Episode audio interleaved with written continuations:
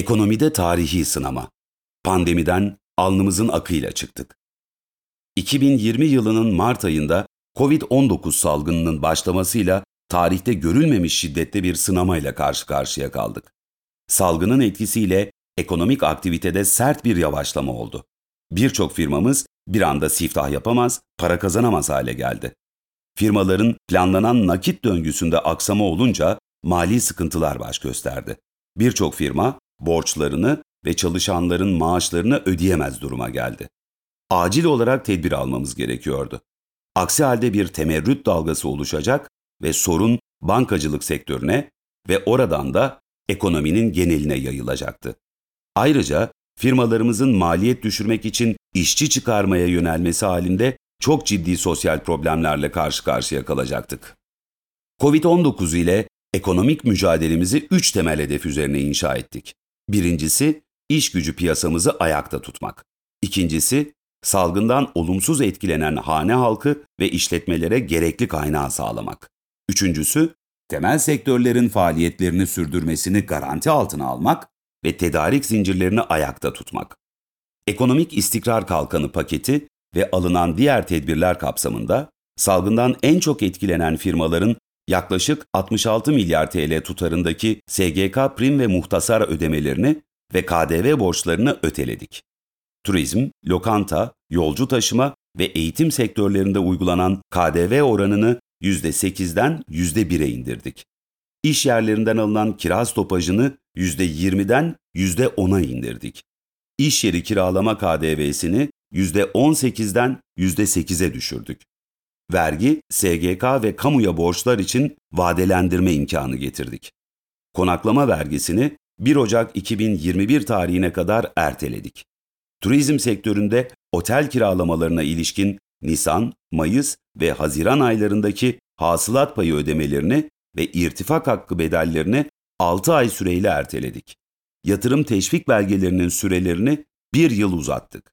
Geri kazanım payı beyannameleri taahhütlerini 6 ay erteledik. İstihdamı korumak amacıyla kısa çalışma ödeneğinden yararlanma şartlarını iyileştirdik. 600 gün sigorta primi şartını 450 güne, son 120 günlük prim ödeme şartını 60 güne indirdik. Destekleri hızlandırmak amacıyla kısa çalışma ödeneği başvurusu için istenen belge sayısını 10'dan 2'ye düşürdük. Başvuru sonrası uygunluk incelemesi sürecini kaldırdık. Toplamda 3,6 milyona yakın çalışanımız için firmalarımıza kısa çalışma ödeneği desteği sağladık. 6,3 milyon ailemize biner TL'lik nakdi yardım yaptık. En düşük emekli aylığını 1000 TL'den 1500 TL'ye yükselttik. Faaliyetleri zorunlu olarak durdurulan iş yerleri için kamu idarelerince kira bedeli tahakkuk ettirilmedi. Ayrıca iş gücü piyasasını korumak amacıyla işten çıkarma yasaklarını devreye aldık.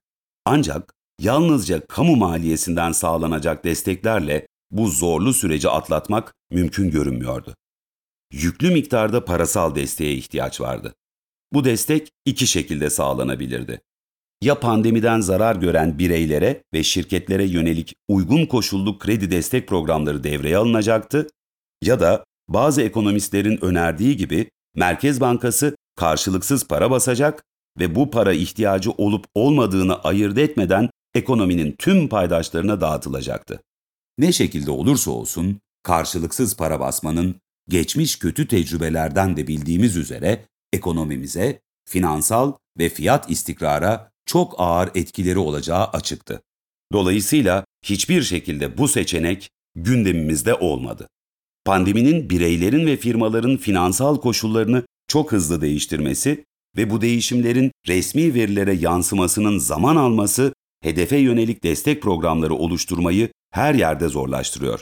Üstelik bizde kayıt dışılığın gelişmiş ülkelere göre çok daha yaygın olması, örneğin SGK'nın TÜİK hane halkı iş gücü istatistiklerinden derlediği verilere göre 2020 yılı başı itibariyle iş gücünün %34,5'inin kayıt dışı çalışması, ihtiyaç sahibi olanları hızlı ve etkin bir şekilde tespit etmeyi daha da zorlaştırıyor.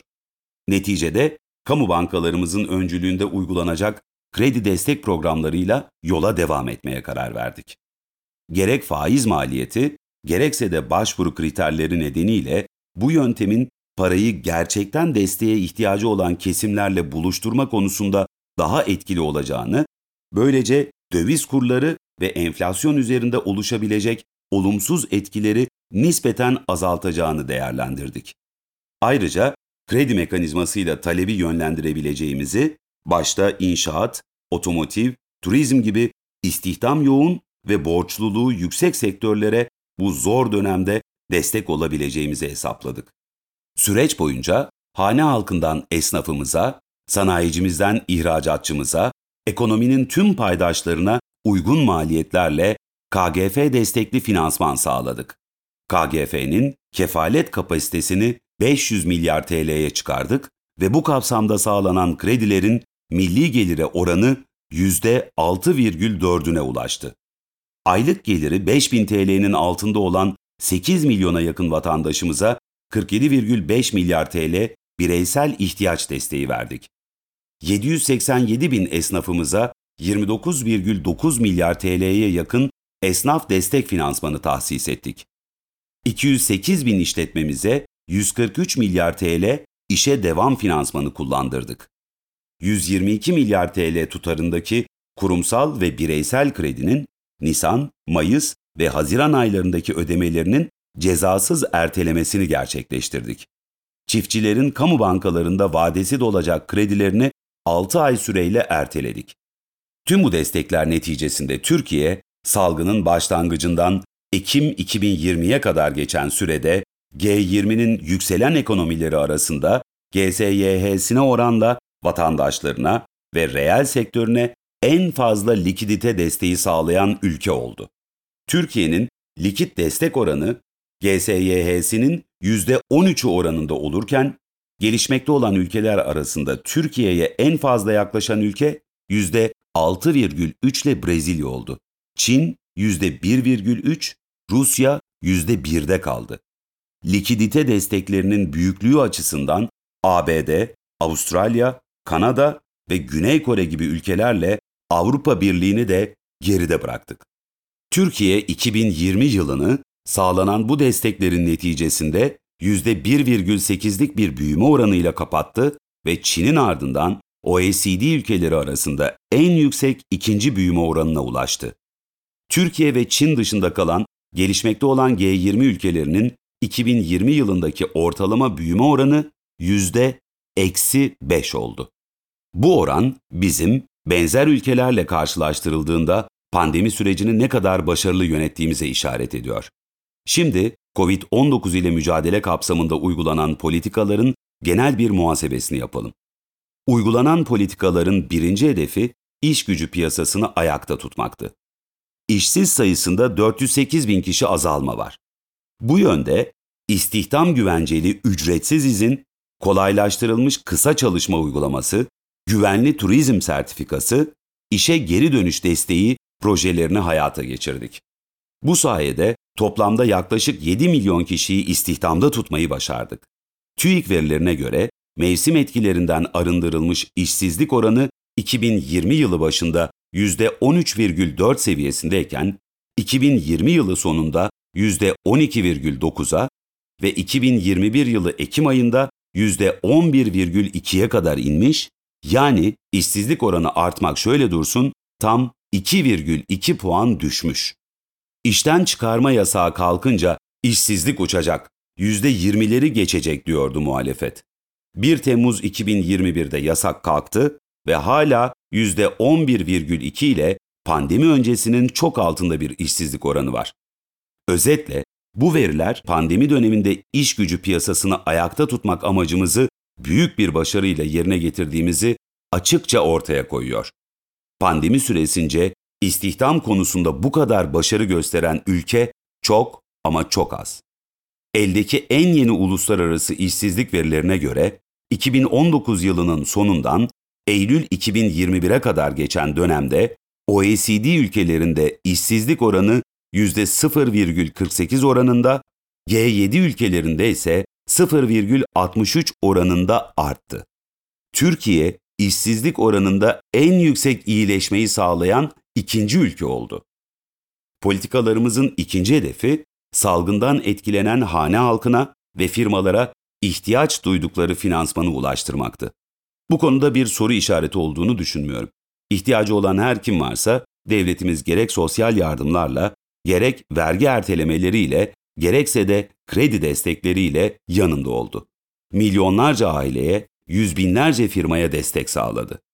Üçüncü hedefimiz reel sektörümüzü ayakta tutmaktı.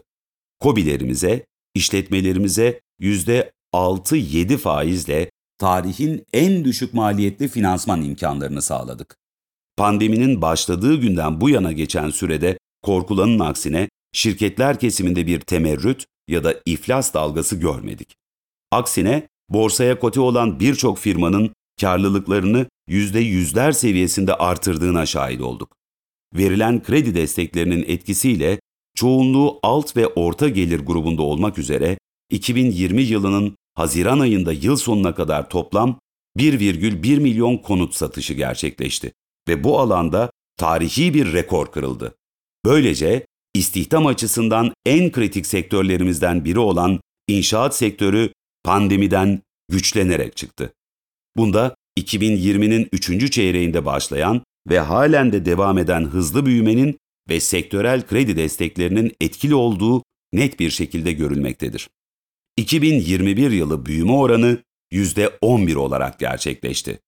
Özetle devreye aldığımız tedbirlerle iş gücü piyasamızı güçlü tuttuk, sanayimiz pandemiye karşı dimdik ayakta kaldı. Sanayide pandemi öncesi dönem rakamlarını çok hızlı bir şekilde yakaladık. Türkiye 2021 yılını 225 milyar doların üzerinde bir ihracatla kapattı.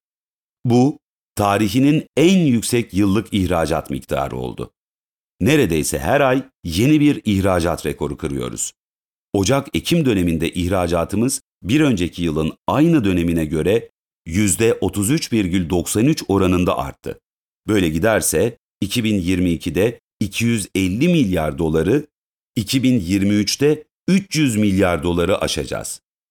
İhracatımız 2017 yılında 157 milyar dolar, 2018 yılında ise 168 milyar dolardı. Yani 5 yıl gibi kısa bir sürede Türkiye ihracatını ikiye katlayarak olağanüstü bir performans göstermiş oldu. 2019'da devreye aldığımız ekonomik dengelenme programı ile birlikte başlayan pandemi döneminde turizm gelirlerimizin azalması ve altın ithalatı nedeniyle geçici olarak sekteye uğrayan, 2021'in Ağustos-Ekim döneminde tekrar ulaşılan cari fazla 2022 ve 2023'te artarak devam edecek. Uluslararası seyahat kısıtlamalarının kalkmasıyla birlikte artacak olan turizm gelirlerimizle enerji ve maden alanındaki keşiflerimizin olumlu etkileri devreye girdiğinde çok daha iyi bir dengeye kavuşacağız. Cari açığımız kapandıkça dış finansmana olan bağımlılığımız azalacak, finansman güvenliğimiz teminat altına alınmış olacak. Tüm bu gelişmeler ısrarla ve sabırla uygulanan doğru politikaların meyveleridir. Özetlemek gerekirse, 2018 yılında yaşadığımız kur şokunun etkilerini giderdiğimiz, ekonomide bir dönüşümün yol haritasını uygulamaya başladığımız bir dönemde karşılaştığımız ekonomi literatüründe pandemi öncesi, pandemi sonrası diye ikiye ayrılacak kadar derin etkileri olan bu süreçten alnımızın akıyla çıktık. Pandemiyle mücadele için uyguladığımız politikalar büyük ölçüde hedeflenen neticeleri üretmiş gibi görünüyor. Olumsuz anlamda genişleyici politikaların kaçınılmaz bir neticesi olarak döviz kurları ve enflasyon bir miktar yükseldi. Buna rağmen Kasım 2020'de görevi bıraktığımızda dolar kuru 7,5 ila 8,5 bandında dalgalanıyor ve enflasyon %11'ler seviyesinde seyrediyordu. Uygulanan politikaların sağladığı hayati önemdeki faydalar göz önüne alındığında finansal istikrar ve fiyat istikrarı anlamında ödenen bedel katlanılabilir düzeydeydi.